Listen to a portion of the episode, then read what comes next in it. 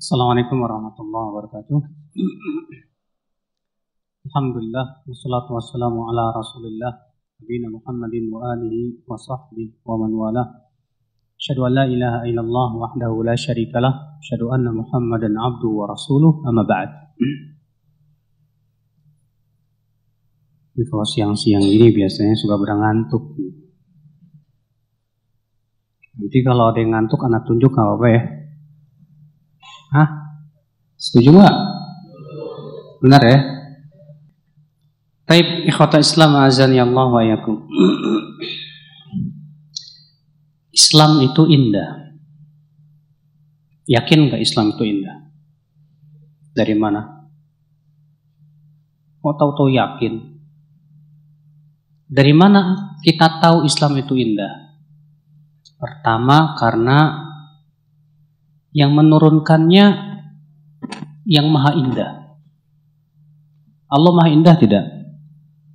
Allah al-jamil, yuhibbul jamal.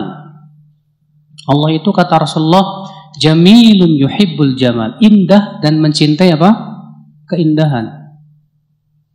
Makanya kalau kita melihat pemandangan alam yang luar biasa, indah sekali. Kalau kamu naik pesawat melihat awan indah sekali. Di waktu malam kita melihat bintang ber, ya berkelip-kelip indah sekali. Allah menciptakan berbagai macam binatang-binatang terlihat indah.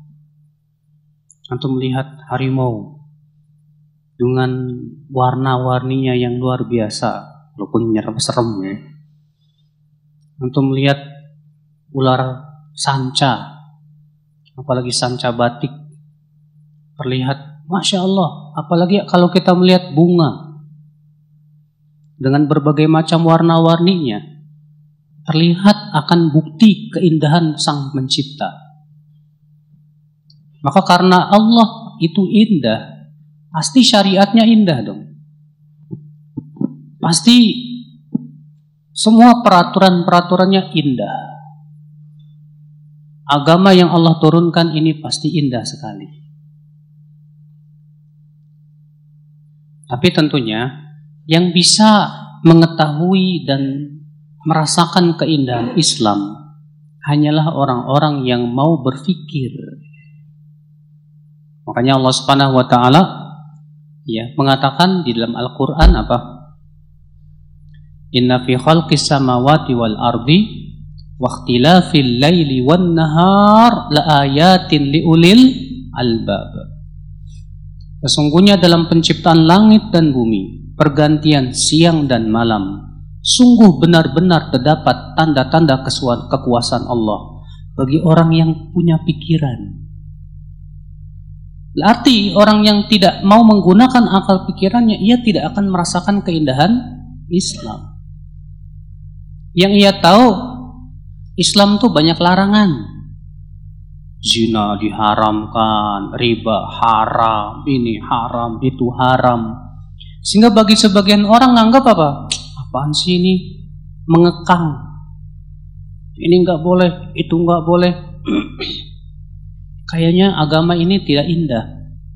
Tapi kalau orang mau berpikir secara rasio dia yang sehat, dia akan dapatkan Ternyata semua perintah Allah, larangan Allah itu luar biasa, Pak. Semua yang Allah larang, contoh misalnya Allah melarang riba. Kenapa Allah melarang riba? Kalau kita pikirkan, Pak, riba itu hakikatnya memakan harta manusia dengan tanpa hak. Dan riba itu zalim. Dan itu berakibat tentunya pasti akan mengakibatkan dicabutnya keberkahan harta. Kalau kita pikirkan lagi bagaimana Allah Subhanahu wa taala melarang zina, kenapa kok zina diharamkan?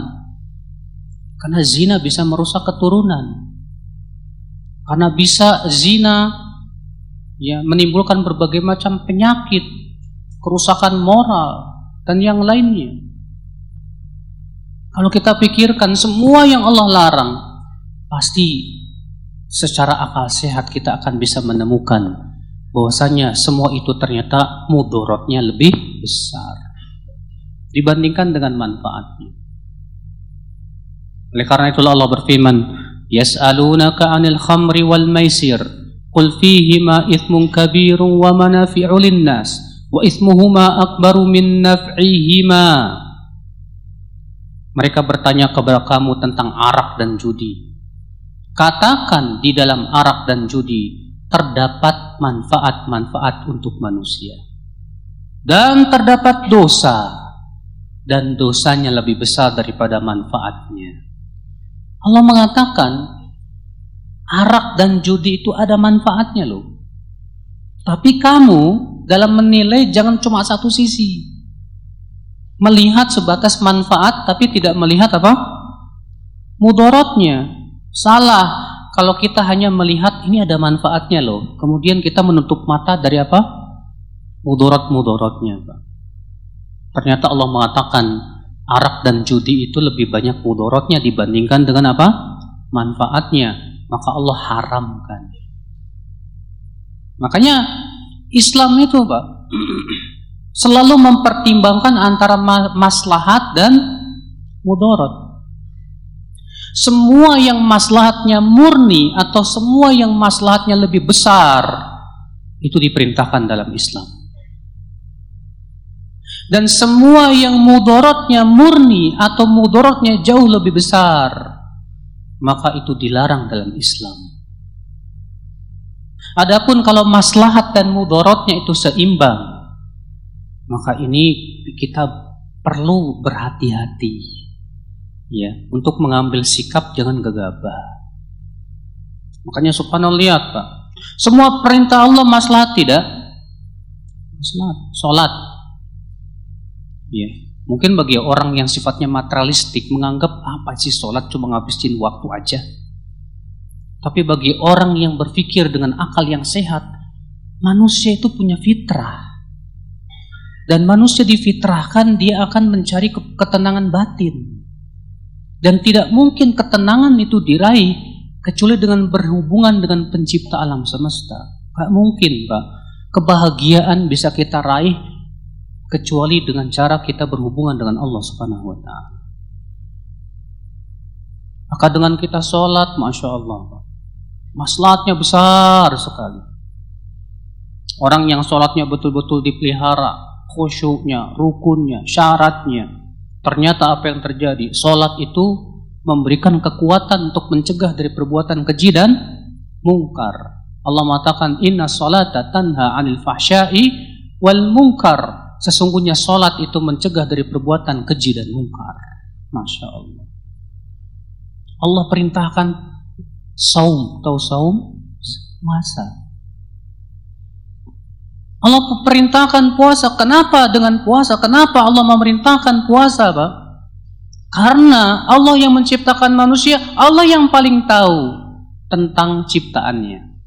Ini perut manusia ini kalau dipenuhi makanan terus, Pak, bisa error. Iya.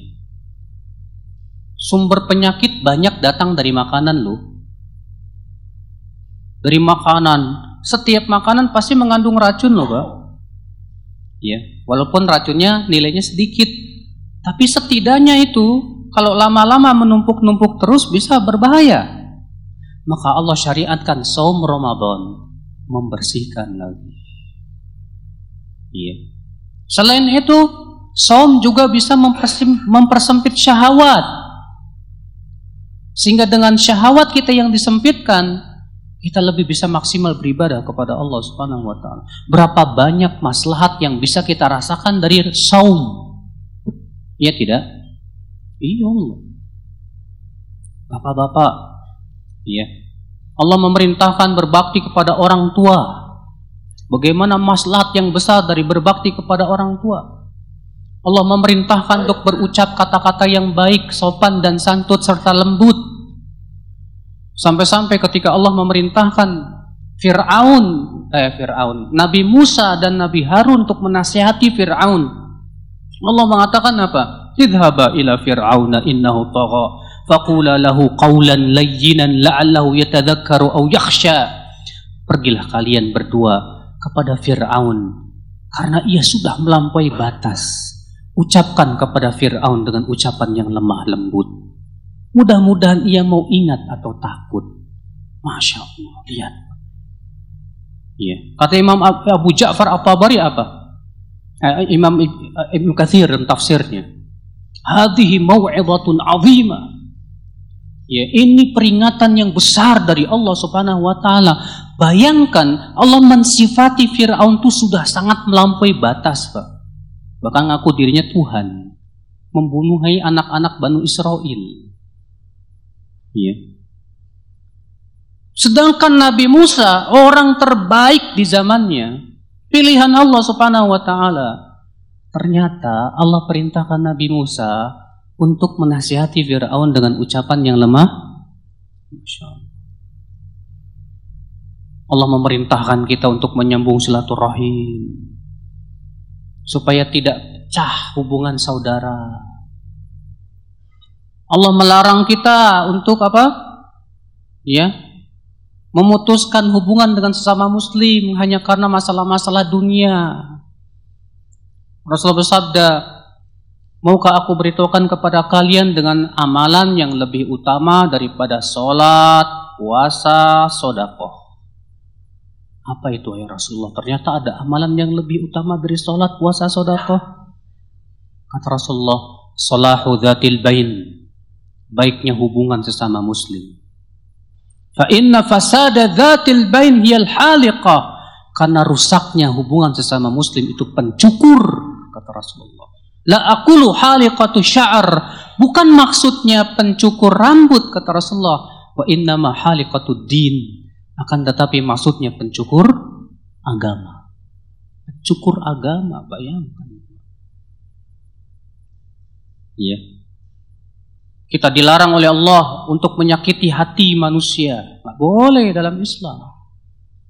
Ya. Bahkan Allah melarang kita, nggak boleh kita memanggil teman kita dengan gelar-gelar yang buruk.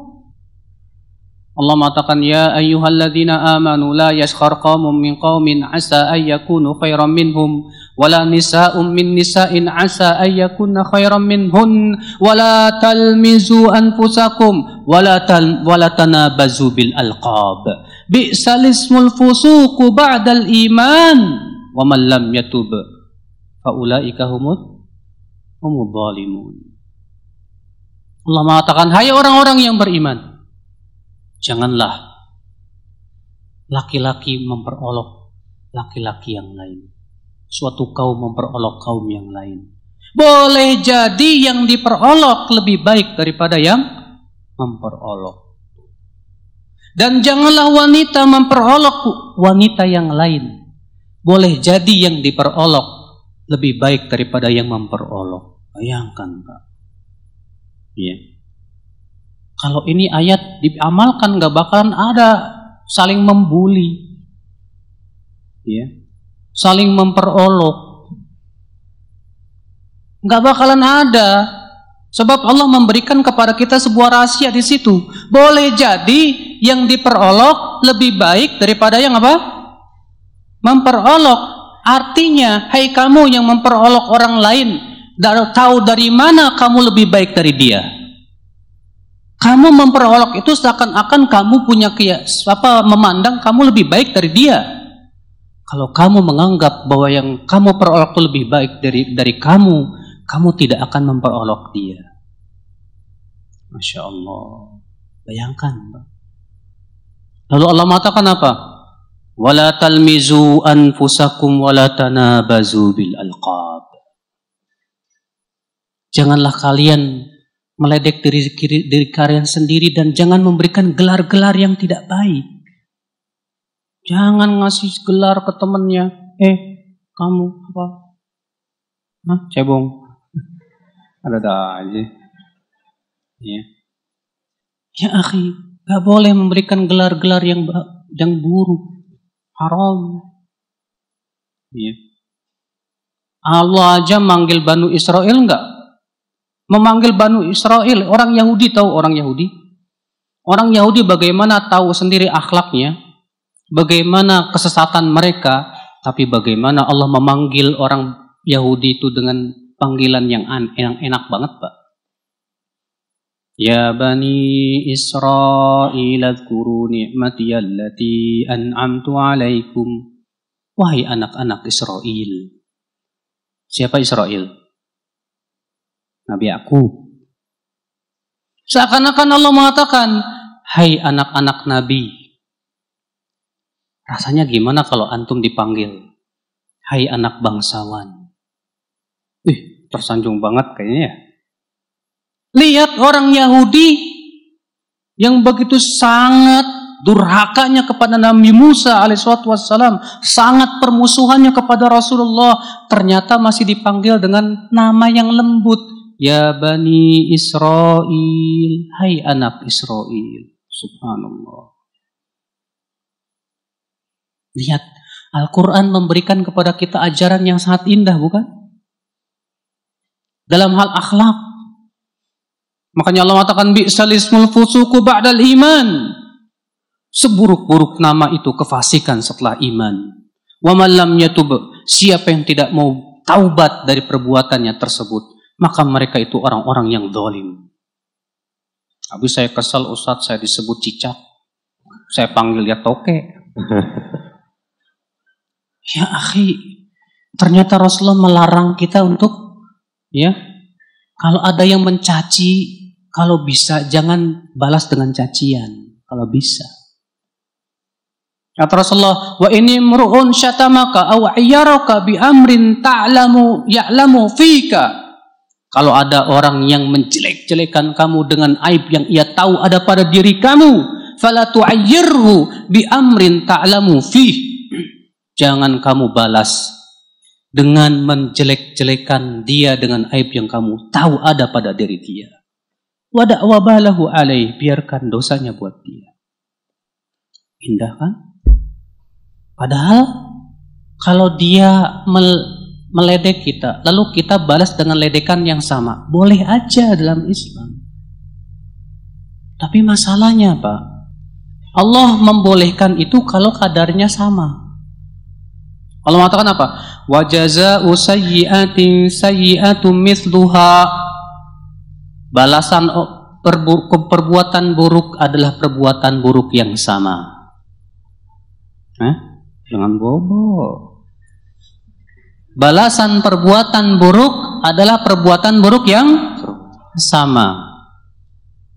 Antum kalau diejek bisa nggak membalas dengan yang sama? Susah. Cicak lo, oke. Okay. Sama nggak Pak? Beda. Lebih parah. Ya. Kita diejek tuh panas loh Pak. Kurang lancar. Saya bisa mengejek dengan lebih keras loh. Padahal dalam Islam haram seperti itu. Kalau kita membalas dengan yang lebih, kita yang dolim berarti. Makanya ketika Rasulullah didoakan oleh seorang Yahudi, ada orang Yahudi lewat, Rasulullah eh, orang Yahudi berkata apa? Assam alaik. Apa kata Rasulullah? Wa alaik. Sampai situ. Lewat lagi, assam alaik. Kata Rasulullah apa? Wa alaik. Rupanya Aisyah dengar. Marah Aisyah. Apa kata Aisyah? Alaikumusam wa la'na ya abna al-qirada wal khanazir. Atas kalian kematian dan laknat hai anak-anak kera dan babi. Mendengar itu Rasulullah berkata kepada Aisyah, mana ya Aisyah, nggak boleh gitu Aisyah.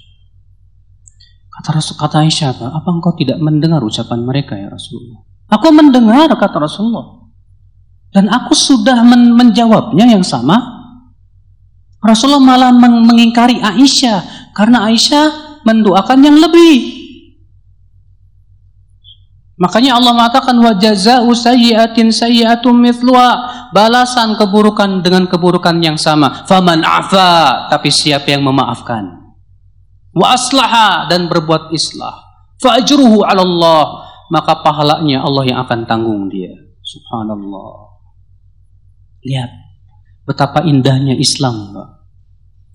Ya, sampai-sampai kalau ada orang yang mencaci maki kita, memburuk-burukan kita, Jangan dibalas dengan yang sama. Udah diemin aja lah.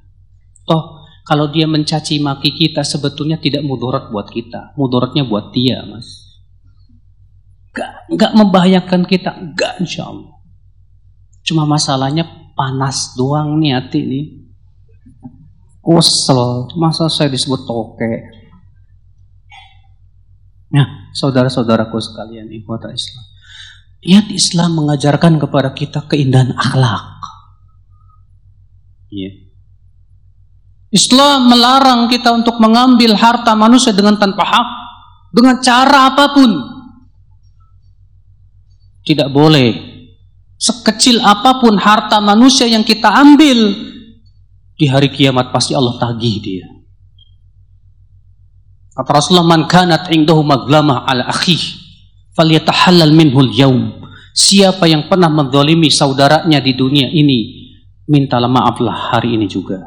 Qabla an yakuna thamata dinarun wala dirham sebelum nanti di hari kiamat sudah tidak ada lagi dan tidak bisa membayar lagi dengan dinar dan dirham. Subhanallah ya akhal Islam. Bayangkan akhlak kita di, di apa, diperintahkan oleh Al-Quran dengan akhlak yang sangat indah, luar biasa. Ketika kita berhadapan dengan teman kita, tidak boleh menyakiti hati dia dengan ucapan apa pun juga. Ketika ia di belakang kita, diharamkan kita menggibah dia.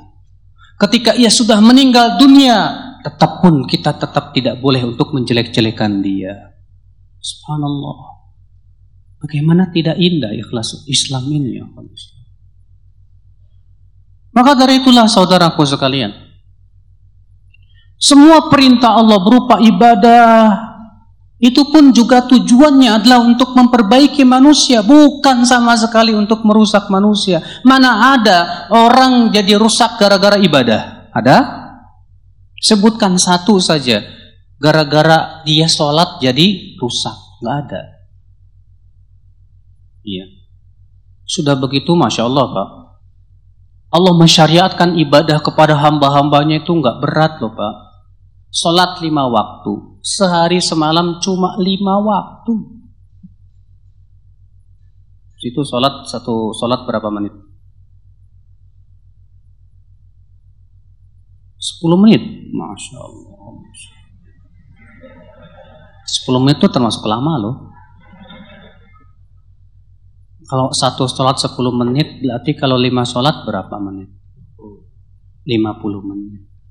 50 menit dibagi di 5 waktu dari 24 jam. Mudah tidak? Mudah. Allah tidak syariatkan sholat 50 waktu. Tadinya 50 waktu.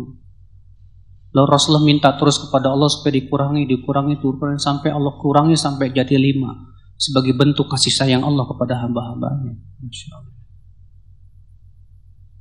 Allah wajibkan zakat hanya kepada harta-harta tertentu saja. Kalau antum punya mobil, ternak mobil misalnya. Iya.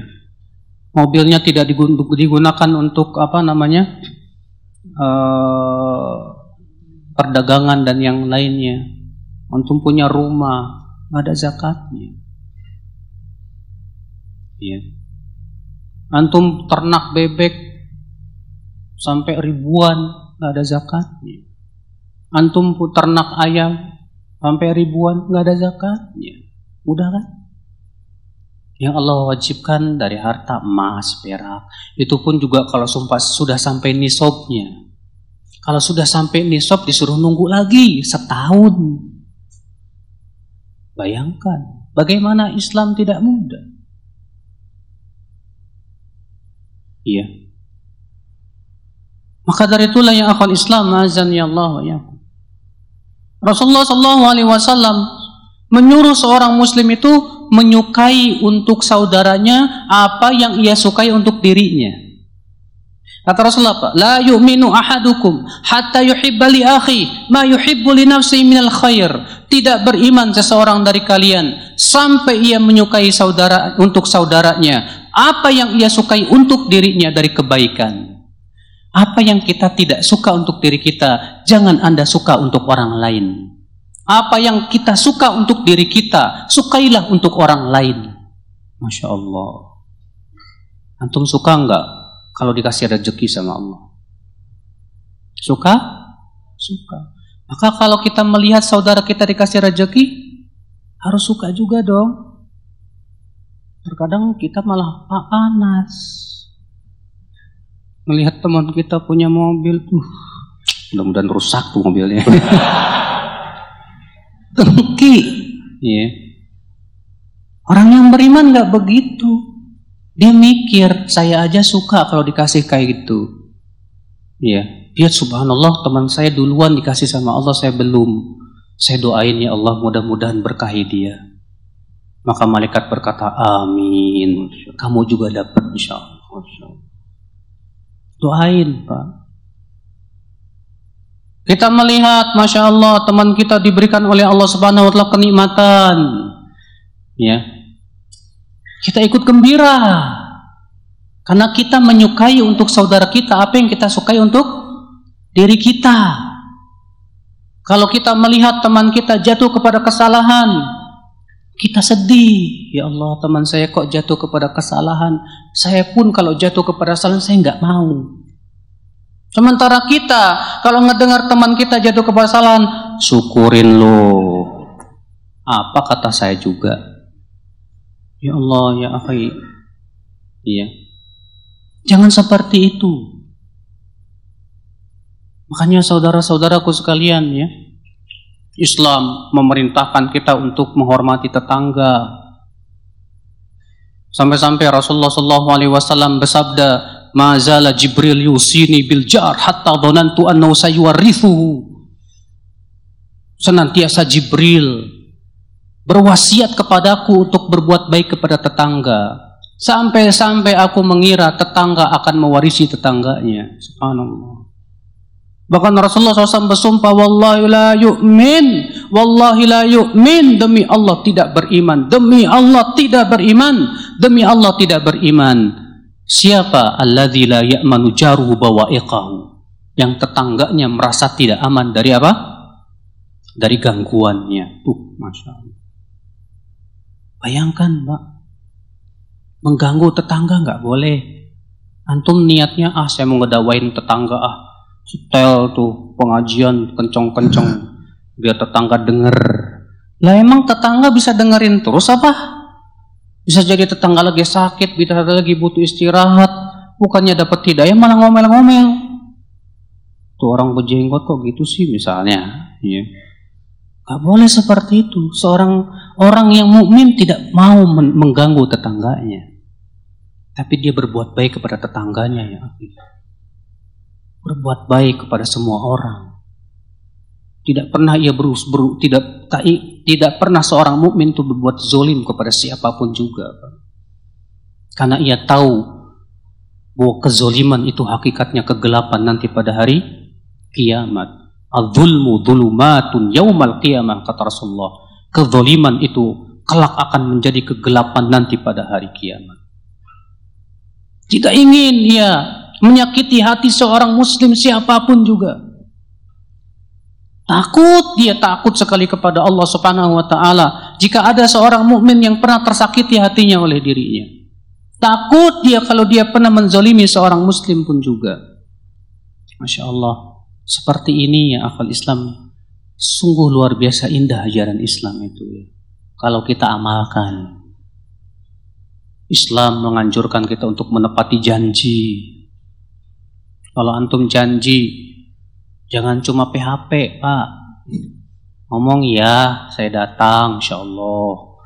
Oh, kalau tanda insya Allah biasanya nggak datang nih. Sampai-sampai sebagian ngomong gitu. Udahlah jangan ngomong insya Allah napa. Yang pasti-pasti aja. Seakan-akan insya Allah itu Pak, ya maknanya itu negatif. Padahal Al-Quran mengatakan apa? Wala taqulanna li syai'in inni fa'ilun dzalika ghadan illa ayyasha Allah. Jangan sekali-kali kamu mengatakan, aku akan melakukan besok kecuali mengucapkan insya Allah. Tuh, Berarti mengucapkan insya Allah itu harus. Maka tuh jangan permainkan kata-kata insya Allah. Iya. Ini kalau insya Allah pasti nggak datang. Salah seperti itu. Jangan rusak nama insya Allah karena nama insya Allah nih, kata insya Allah nih mulia, Pak. Jika Allah mengi, mengizinkan. Nah, saudara-saudaraku sekalian. Lihat ya akal Islam. Semua pintu yang bisa menjerumuskan kepada maksiat diharamkan dalam Islam. Karena maksiat itu hakikatnya merusak moral, merusak apa? Ya, keamanan, merusak hubungan sesama manusia, merusak segala-galanya. Itu maksiat, Pak. Zina dilarang oleh Allah. Semua yang bisa menjerumuskan kepada zina dilarang oleh Allah Subhanahu wa taala.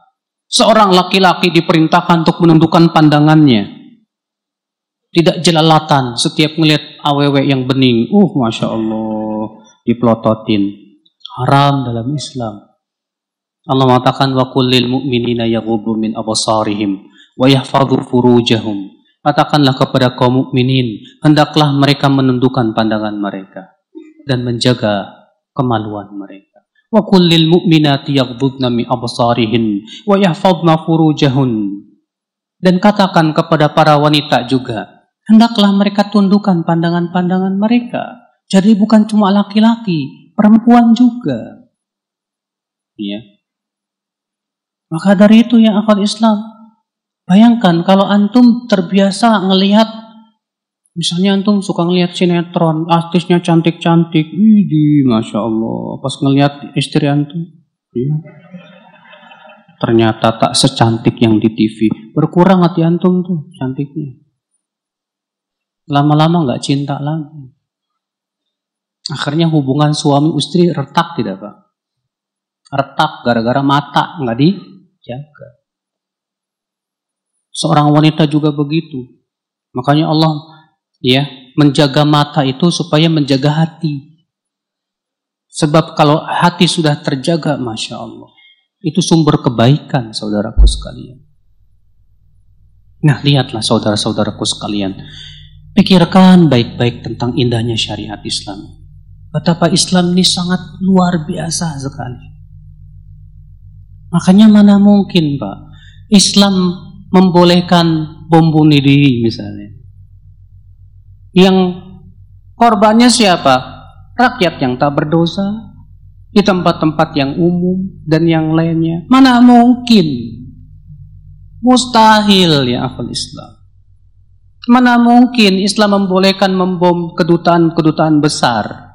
Dalam Islam, Rasulullah sudah menegaskan kepada para sahabatnya, Rasulullah melarang membunuh para utusan. Sedangkan para kedubes itu utusan bukan? Utusan dilarang sama Rasulullah SAW. Mana mungkin itu dari Islam? Kalau misalnya ternyata yang melakukannya orang Islam pasti orang yang bego tuh pak gak faham tentang hakikat apa? Islam. Gak faham dia tentang keindahan Islam. Ikhwatul iman, azan ya Allah. Nah ini saudaraku sekalian, ya. Kita lihat, silakan gunakan akal pikiranmu untuk betul-betul merenungi tentang hakikat perintah-perintah Allah Subhanahu wa taala yang luar biasa. Renungi semua kenapa Allah mengharamkan zina? Kenapa Allah mengharamkan mencuri? Kenapa Allah mengharamkan riba? Kenapa Allah mengharamkan semua keharaman itu? Pikirkan baik-baik, jangan pikirkan dengan syahwatmu. Tapi pikirkan dengan akal sehatmu. Kenapa ini haram? Ada apa hikmah-hikmah di balik itu semua? Kenapa Allah haramkan? Pasti di sana mudaratnya jauh lebih besar daripada apa? Manfaatnya. Ya enggak, Pak? Jangan bobo.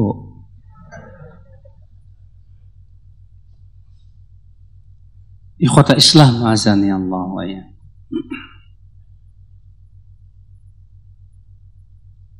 Kalau kita perhatikan saudara-saudaraku sekalian, ketika Allah Subhanahu wa taala menurunkan Al-Qur'an kepada Nabi Muhammad SAW saja tidak sekaligus tapi sedikit demi sedikit. Allah mensyariatkan kepada kaum muslimin pun juga tidak sekaligus, tapi sedikit demi sedikit. Sebagai kasih sayang Allah kepada umat Nabi Muhammad sallallahu alaihi wasallam. Ya. Allah Subhanahu wa taala terkadang menguji dengan berbagai macam ujian-ujian berupa perintah dan larangan itu. Ternyata hasil dari ujian itu luar biasa sekali, Pak. Antum melihat lautan setelah selesai badai terlihat indah, bening. Antum melihat kerang itu untuk membuat iya apa namanya? mutiara-mutiara yang cantik, dia harus menyusahkan dirinya setahun lamanya. Menyakiti dirinya setahun lamanya untuk mengeluarkan mutiara-mutiara yang luar biasa. Untuk melihat emas itu ketika dimasukkan ke dalam api dan ubupan semakin tersaring dan terlihat karatnya. Demikian pula Allah memberikan ujian-ujian kepada hamba-hambanya supaya semuanya dalam rangka menyaring keimanan. Menyaring apa? Keimanan. Keimanan. Dan itu maslahatnya jauh lebih besar daripada mudarat ujian itu sendiri. Makanya setiap muslim diuji tidak Pak? Diuji. Tapi ternyata di belakang ujian itu ada keindahan yang luar biasa Pak. Ketika seseorang diuji, diuji, diuji, tertempaklah hatinya. Semakin berkilau hatinya tersebut dengan ujian. Semakin dia pun kuat keimanannya kepada Allah Rabbul Izzati wal Jalal. Allah gugurkan dosa-dosanya, Allah angkat derajatnya. Jangan anda kira ketika Allah memberikan anda sakit, Allah zolim kepada anda. Tapi Allah berikan kepada anda sakit karena Allah masih mencintai kamu. Allah ingin gugurkan dosa-dosa kamu. Allah ingin angkat derajat kamu. Masya Allah saudara-saudaraku sekalian. Makanya perbuatan Allah tidak lepas dari rahmat, keadilan, dan kasih sayang. Perbuatan Allah semuanya indah. Semuanya apa? Indah. indah. Sebutkan dalam hadis Pak, ada seorang sahabat memakai kain melebihi mata kaki, bahkan sampai terseret ke tanah. Maka Rasulullah SAW berjalan dengan cepat untuk mengejar laki-laki tersebut. Lalu Rasul bersabda, Takillah, bertakwalah kamu kepada Allah irfa saw thawbak. Angkat kakimu itu, angkat kakimu lagi. Angkat kainmu itu, angkat kainmu. Artinya tidak boleh isbal, apa kata sahabat ini, Pak? Wahai Rasulullah, kakiku ini cacat. Wa inna rukbataya tastok. Dengkul saya ini kalau berjalan tuh beradu ya Rasulullah. X. Malu dia. Apa kata Rasulullah? Dengarkan ucapan Rasulullah. Kata Rasulullah, kullu khalqillahi hasan. Semua ciptaan Allah itu indah. Walaupun X, ya walaupun X. Mungkin di mata kita itu kurang indah, tapi hanya Allah yang maha tahu hikmah di balik itu semua. Kata Rasulullah apa? Semua ciptaan Allah itu indah. Angkat kainmu. Masya Allah. Luar biasa ya khotla Islam. Azan ya Allah ya. Maka inilah yang akan Islam. Islam syariat yang luar biasa. Yang paripurna. Yang sangat sempurna maka Islam telah Allah sempurnakan. Allah berfirman, "Al-yauma akmaltu lakum dinakum wa atmamtu alaikum ni'mati wa raditu lakumul Islam dina." Pada hari ini aku telah sempurnakan untukmu agamamu. Berarti Islam itu sudah sempurna. Karena Islam sudah sempurna berarti semua perkara sudah diatur dalam Islam. Tidak ada satupun perkara kecuali semuanya sebetulnya sudah ditinggalkan ilmunya oleh Rasulullah sallallahu alaihi wasallam. Abu Abu Dzar berkata, "Tarokana Rasulullah wa ma ta'irun yuqallibu bi fil hawa illa wa dzakara fihi ilman." Kata Rasulullah sallallahu alaihi wasallam apa? Rasulullah meninggalkan kita dalam keadaan tidak ada seekor burung pun mengepakkan sayapnya di udara kecuali Rasulullah sudah menyebutkan ilmunya padanya.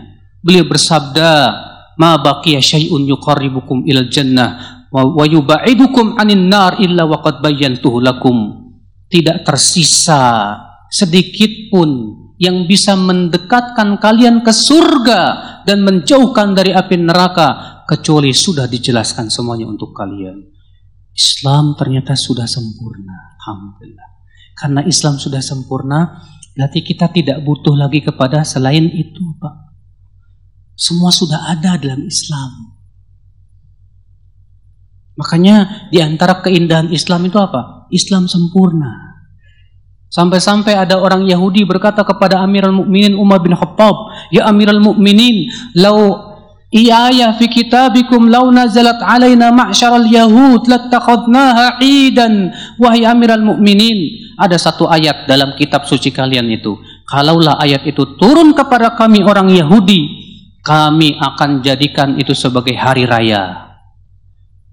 Umar bertanya ayat apa kata Yahudi ini? Al-yawma akmaltu lakum dinakum. Pada hari ini aku telah sempurnakan untukmu agama. Masya Allah, orang Yahudi nganggap ini nikmat besar banget, Pak. Sampai-sampai orang Yahudi berkata kepada Umar bin Khattab, itu ayat kalau turunnya ke kami, kami akan jadikan sebagai apa? Perayaan. Iya. Kenapa? karena ini menunjukkan nikmat Allah yang luar biasa kita kepada kita umat Islam. Islam sudah sempurna Alhamdulillah. Jadi nggak perlu capek-capek lagi mikirin gimana cara bikin ibadah sendiri. Nggak perlu. Semua sudah diajarkan sama Rasul Sallallahu Alaihi Wasallam. Ya. Semua sudah diajarkan. Ada seorang datang kepada Salman Al Farisi.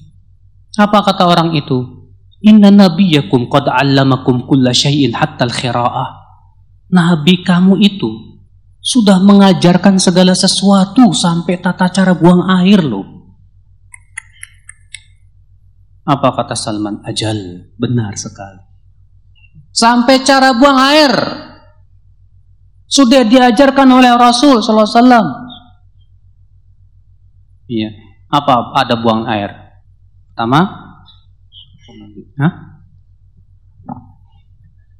Buka celana bismillah. Masuk WC dulu Pak, jangan buka celana dulu.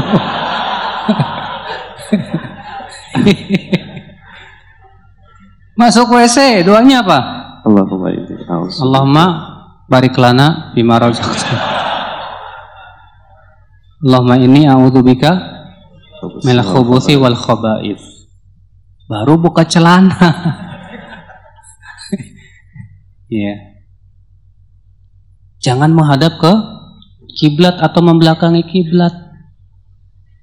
Ketika buang air jangan berzikir kata para ulama. Ya, ini pendapat jumhur. Kemudian setelah itu cebok, nggak boleh pakai tangan kanan. Harus pakai tangan apa? Kiri. Setelah selesai itu kita keluar WC baca apa? Gufronaka. Dahulukan kaki kanan. Tuh lihat bagaimana Islam buang air aja diperhatikan banget. Bahkan Rasulullah mengancam orang yang tidak berhati-hati dari percikan air kencing itu akan terkena azab kubur. Kata Rasulullah, "Istanzihu minal baul fa inna 'amata 'adzabil qabri minhu." hati-hati kamu dari air kencing. Karena kebanyakan adab kubur itu gara-gara air kencing, kata Rasulullah SAW. Masya Allah. Bagaimana cara makan diatur dalam Islam. Bagaimana cara minum, cara tidur, adab-adabnya sampai sekecil apa pun Islam sudah mengaturnya, Pak. Alhamdulillah sempurna. Islam sudah apa? Sempurna. Kalau cara buang air saja sudah diatur, apalagi yang lebih besar dari itu, itu semua sudah diatur dalam Islam. Pak. Makanya kita bahagia, Alhamdulillah, kita diberikan oleh Allah agama yang luar biasa sempurna ini. Maka masuklah Islam, masuk Islamlah secara kafah, secara sempurna, secara universal, jangan sebagian-sebagian. Allah mengatakan, Ya ayuhalladzina amanul khulu fis silmi kafah. Hai orang-orang yang beriman, masuk Islamlah kalian secara kafah, Apa itu kafah? Sempurna. Masya Allah. Inilah saudaraku, agama kita. Agama yang sangat menjunjung kemanusiaan. Agama yang sangat menghormati manusia. Inilah Islam saudaraku sekalian. Agama yang menganjurkan keadilan dan melarang kezoliman. Tidak ada keadilan kecuali wajib ditegakkan. Sampai-sampai kepada karib kerabat pun Islam memerintahkan kita apa? Ya, tidak berat sebelah. Allah mengatakan wala yajrimannakum syana'anu qaumin ansad ala alla ta'dilu Jangan sampai kebencian kamu kepada suatu kaum menyeret kamu untuk tidak bersikap adil.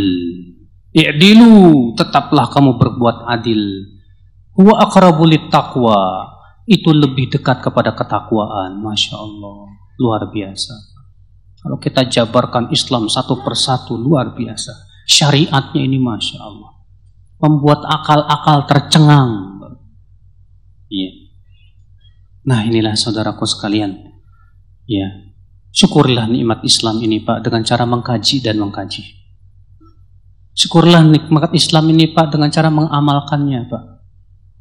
Syukurlah nikmat Islam ini Pak. Dengan cara kita berpegang teguh dengan tali-tali Islam. Allah mengatakan wa'tasimu bihablillahi jami'a. Peganglah tali Allah seluruhnya. Dan tali Allah itu Islam, Al-Quran, al-hadis. Wala tamutunna illa wa antum muslimun kata Allah. Dan jangan kamu wafat kecuali dalam keadaan muslim, dalam keadaan Islam.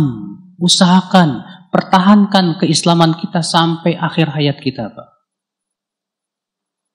Berapa banyak orang yang mengganti agamanya karena ia tidak mau belajar tentang Islam. Tidak pernah belajar tentang hakikat Islam. Nah, inilah ya, keindahan Islam secara global. Adapun secara detail itu pembahasannya dalam majlis-majlis ta'lim. Anda akan melihat bagaimana keindahan akhlak Islam, keindahan muamalah dalam Islam, keindahan ibadah, akidah dan yang lainnya. Allahu a'lam. Nah. Baik, eh, kita akan bacakan pertanyaan pertama dari Ahwat Ustadz. Uh, Ustaz, uh, bagaimana hukumnya bagi orang yang suka uh, mencela dan menjelek-jelekan pemerintah, Ustaz? Khususnya di fenomena di media sosial saat ini, Ustaz. Mohon nasihatnya. Bagaimana hukumnya menjelek-jelekan pemerintah dan mencela? Syekh bin Baz, Syekh Uthaymin, dan para ulama di zaman dahulu semua sepakat Ahlus Sunnah wal Jamaah bahwa haram hukumnya mencela, menjelek-jelekan pemerintah di media-media umum, media sosial, dan yang lainnya. Tidak diperkenankan. Kenapa? Karena itu bisa memprovokasi. Itu bisa memecah antara pemimpin dengan rakyatnya. Berakibat tentunya pasti ujung-ujungnya akan ada pemberontakan dan kekacauan. Maka dari itulah Allah Subhanahu wa taala yang memerintahkan Nabi Musa untuk datang kepada Firaun saja yang jelas-jelas dolim, yang jelas-jelas kafir, yang jelas-jelas mengaku dirinya Tuhan, untuk mengucapkan kata-kata yang lemah lembut. Faqula lahu qawlan layyina. Ucapkan kepada Fir'aun dengan kata-kata yang lemah lembut. Kalau kepada Fir'aun saja yang jelas kafirnya, yang jelas zolimnya, disuruh berkata lemah lembut, bagaimana kepada pemimpin yang masih muslim, masih sholat? Maka tentu ya Islam melarang kita untuk mengucapkan ujaran-ujaran yang tidak baik, kata-kata yang tidak baik. Seorang muslim ya bukanlah orang yang pertama kali melakukan fitnah dan menyebarkan fitnah. Karena cacian makian kepada pemerintah itu sebetulnya hanya akan menimbulkan fitnah saja. Oleh karena itulah seorang sahabat yang bernama Uza, Usama bin Zaid pernah ditegur oleh seseorang. Kenapa kamu tidak menasihati Uthman? Kata Us, kata Usama apa? Aku sudah menasihati Usman antara aku dan dia saja. Iya. Apakah kalau aku menasihati dia aku harus lapor sama kamu? Aku tidak ingin menjadi orang yang pertama kali membuka fitnah kata beliau. Ya akal Islam azan ya Allah. Sampai Imam Al-Barbahari dalam kitab beliau Syarh Sunnah ketika menyebutkan ciri ahlu sunnah siapa?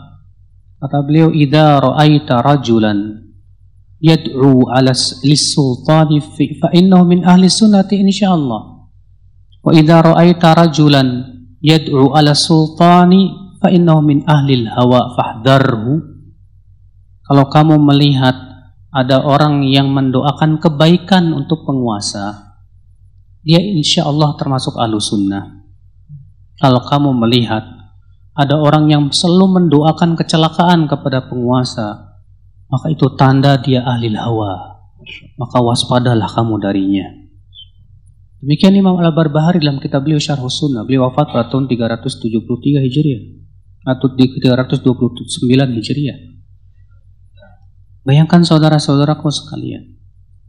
Maka dari itulah ya, mencaci maki ujaran-ujaran yang tidak baik di media sosial hanya akan memancing emosi, hanya akan menimbulkan kerusuhan. Semua itu dilarang dalam Islam. Ya. Maka Allah mengatakan apa? Wa qulu nasi husna. Allah memberikan kaidah ini dalam Al-Qur'an. Wa qulu nasi husna. Ucapkanlah dengan ucapan yang baik kepada manusia. Ucapkan dengan kata-kata yang baik, saudara. Seorang mukmin, seorang muslim, kalau ketika melihat kemungkaran yang dilakukan oleh penguasa, yang ia lantunkan doa, ya Allah, berikan hidayah kepada penguasaku. Sebab kalau kamu caci maki dan hina di media sosial, apa manfaatnya coba? Apakah dengan cara seperti itu kamu akan bisa merubah? Tidak. Tapi kalau kamu berdoa, ya Allah berikan dia hidayah, ternyata doa kamu didengar oleh Allah. Ternyata Allah mengijabah doa kamu, ternyata ia dapat hidayah. Maslahatnya buat siapa? Kalau bukan untuk rakyat juga. Maka dari itulah saudaraku, Islam agama yang sungguh sangat indah sekali dalam masalah ini. Iya, semua perkara yang bisa memicu konflik apa namanya uh, peperangan dan yang lainnya fitnah dilarang dalam Islam. Namun tentunya ya akhi, Islam juga memerintahkan kita beramar ma'ruf nahi mungkar dengan cara yang baik dengan memperhatikan etika-etika dan adabnya. Betul, kita di, diperintahkan mengingkari kemungkaran. Tapi bagaimana ada etikanya yang telah diperintahkan oleh Islam? Ya, itu pembahasannya di dalam masalah bab amar ma'ruf nahi mungkar. Ya, Allah. Nah. Masya Allah. Sebagian tadi Ustaz sampaikan cara buang hajat saja diajarkan, apalagi menasehati dan menjaga kemuliaan pemimpin ya Ustaz ya. Masya Allah. Baik Ustaz, mohon izin ke pertanyaan berikutnya Ustaz. Ustaz terkait dengan tadi larangan untuk memberikan gelar buruk kepada saudara muslim Ustaz. Uh, bagaimana dengan uh, riwayat uh, Musailamah yang mengaku sebagai nabi kemudian digelari Al-Kazab? Apakah boleh menggelari gelaran buruk terhadap orang yang memusuhi Allah Ustaz? Musailamah mengaku dirinya nabi. Sementara tidak ada lagi akan ada nabi setelah Nabi Muhammad sallallahu alaihi wasallam. Musailamah mengaku-ngaku dapat wahyu, padahal tidak dapat. Musailamah pun memerangi Rasulullah dan Rasulnya. Sehingga Rasulullah SAW ketika memberikan gelar Al-Kadzab kepada Musailamah, memang betul itu. Sebab kalau tidak diberikan gelar Al-Kadzab, orang akan terpengaruh terhadap dia yang mengaku-ngaku sebagai apa? Nabi. Masa mau diberikan gelar Pusailamah as-soduk yang jujur, jelas-jelas kadab seperti itu. Kalau tidak diberikan gelar seperti itu, berapa banyak orang nanti berpengaruh, Pak? Maka nggak masalah memberikan gelar orang yang memang berbahaya untuk apa? Agama, din. Seperti, seperti Musailamah kata para ulama. seperti ini maslahatnya jauh lebih besar dibandingkan dengan mudorotnya. Supaya manusia terhindar dari fitnah fitnahnya siapa? Musailama al-kadzab ini. Dan supaya jelas kepada manusia akan kedustaan orang ini. Dan terbedakan mana nabi yang sebenarnya dengan nabi yang dia ngaku, cuma ngaku-ngaku nabi aja, nabi palsu. Ya, Allah Baik, syukur Ustaz. Dan pertanyaan berikutnya, mohon izin, uh, Ustadz, apa ya penyebab seorang mukmin bahkan mayoritas uh, mukmin dan muslim itu tidak merasakan indahnya Islam, Ustadz, sehingga banyak fenomena yang terjadi saat ini. Uh, barangkali ada nasihat Ustadz untuk kaum muslimin pada umumnya, Ustadz. Iya. Kenapa sih banyak kaum muslimin tidak merasakan keindahan Islam? Pertama, karena kebodohan terhadap Islam itu sendiri. Dia tidak ada keinginan kuat untuk mengkaji Islam dari kitab-kitab para ulama. Duduk di majlis-majlis para ulama. Hanya sebatas mengandalkan apa? Akalnya saja.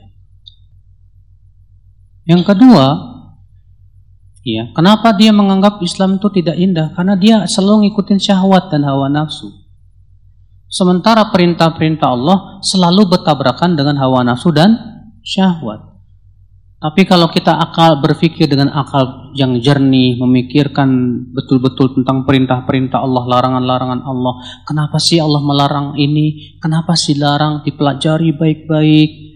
Dia akan dapatkan bahwasanya ternyata mudorotnya jauh lebih besar. Ya, intinya orang ini tidak menggunakan akal sehatnya, Pak, untuk berpikir. Tapi dia yang gunakan apa? Syahwatnya. Kalau orang tidak menggunakan akal sehat tapi yang dia gunakan syahwat, dia tidak akan merasakan indahnya Islam. Iya. Yang ketiga, karena hatinya yang penuh maksiat. Orang yang hatinya penuh maksiat hitam kelam. Ketika hatinya sudah hitam kelang, ia tidak bisa lagi melihat kebenaran. Bahkan terkadang terbalik melihat kebenaran sebagai sebuah kebatilan, melihat kebatilan sebagai sebuah apa? Kebenaran. Akibat daripada hatinya tersebut. Makanya banyak faktor, Pak. Tapi orang yang berpikir insya Allah dia akan dapat hidayah. Banyak orang-orang yang berpikir, Pak. Dari kalangan para ilmuwan barat yang mereka mengkaji, mengkaji ternyata dapat Masya Allah. Islam ini luar biasa sekali, masuk Islam.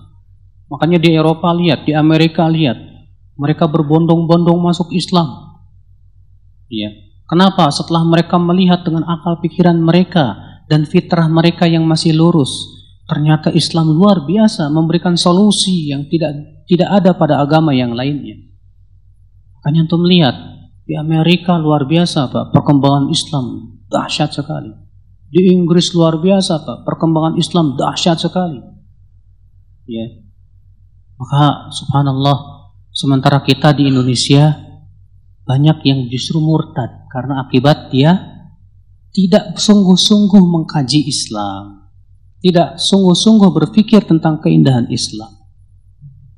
Walaupun alhamdulillah Pak, Allah memberikan kabar gembira bahwa kalau ada di antara umat Islam yang murtad, maka Allah akan adakan lagi umat lain yang Allah cinta kepada mereka dan mereka pun cinta kepada Allah. Itu kabar gembira dari Allah.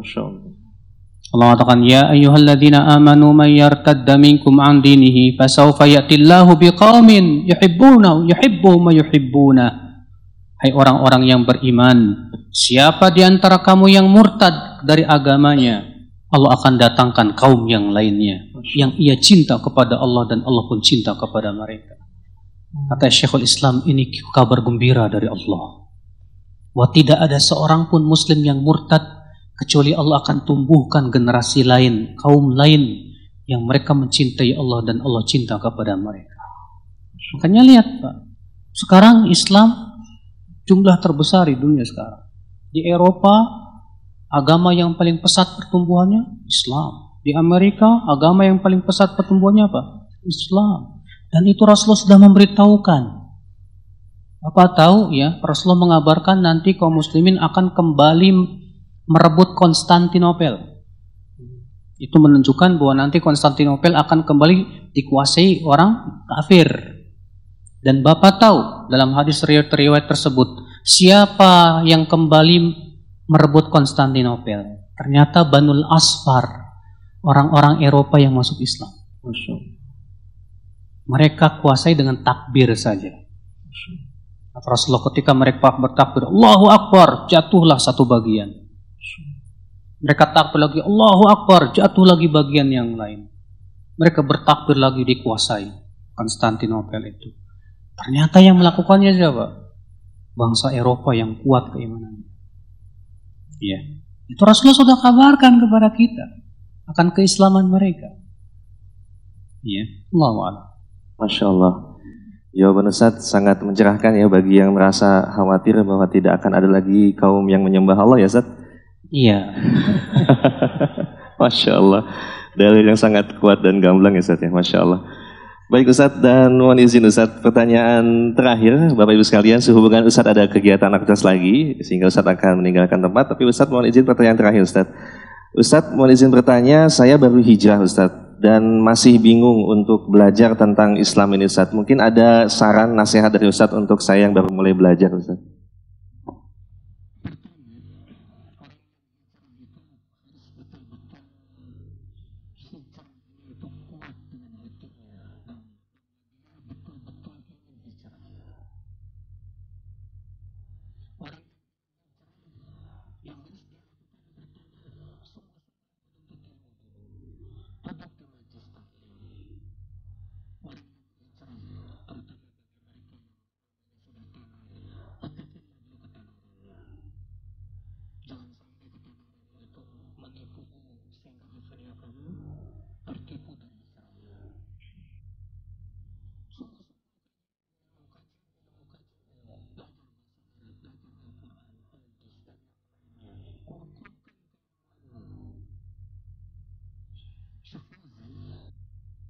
Ustaz.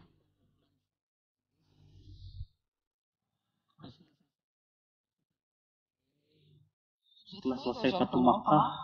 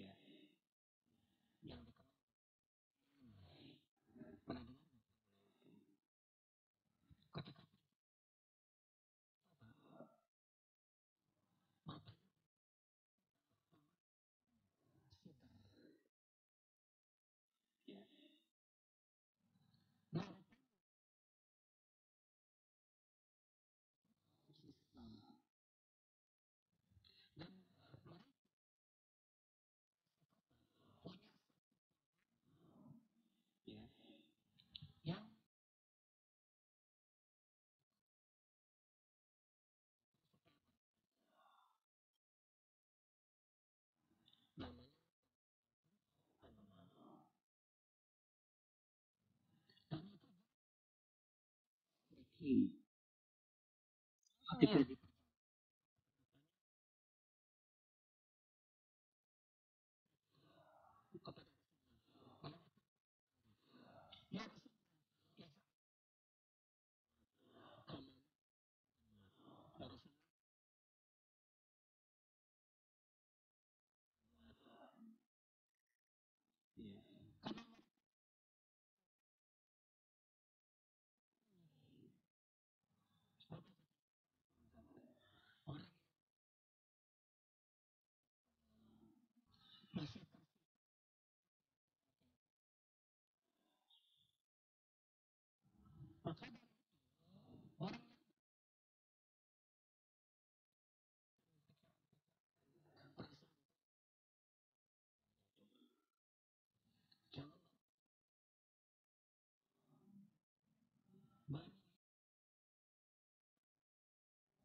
Iya, bahaya ini.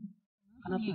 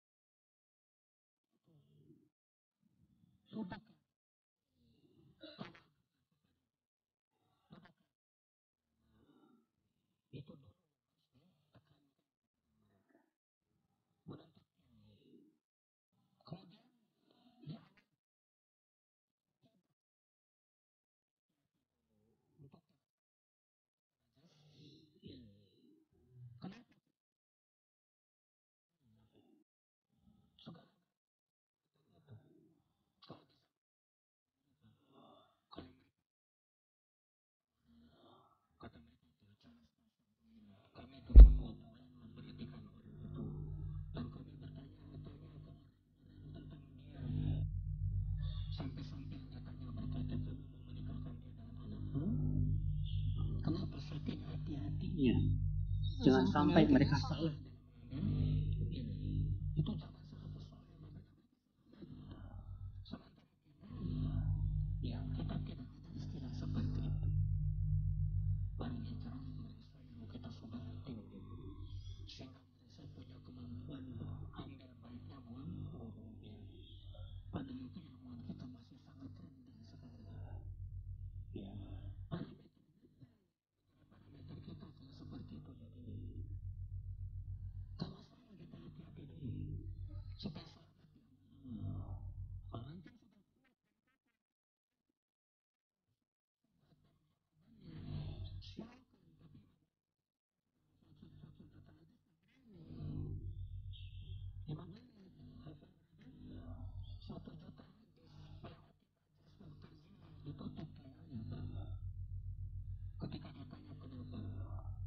hati kita sementara semangat itu menyambar?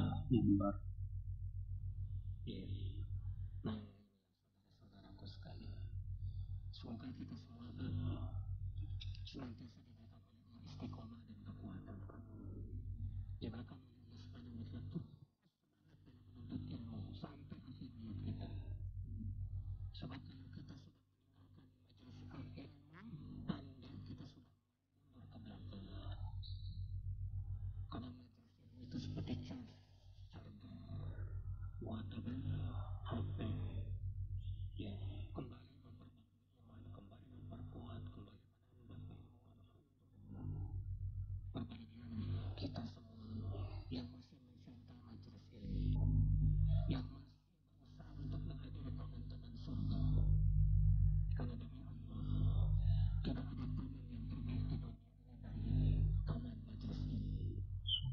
Subhanakallah bihamdik syadu an la ilaha illa ant astaghfiruka warahmatullahi wabarakatuh. Waalaikumsalam warahmatullahi wabarakatuh.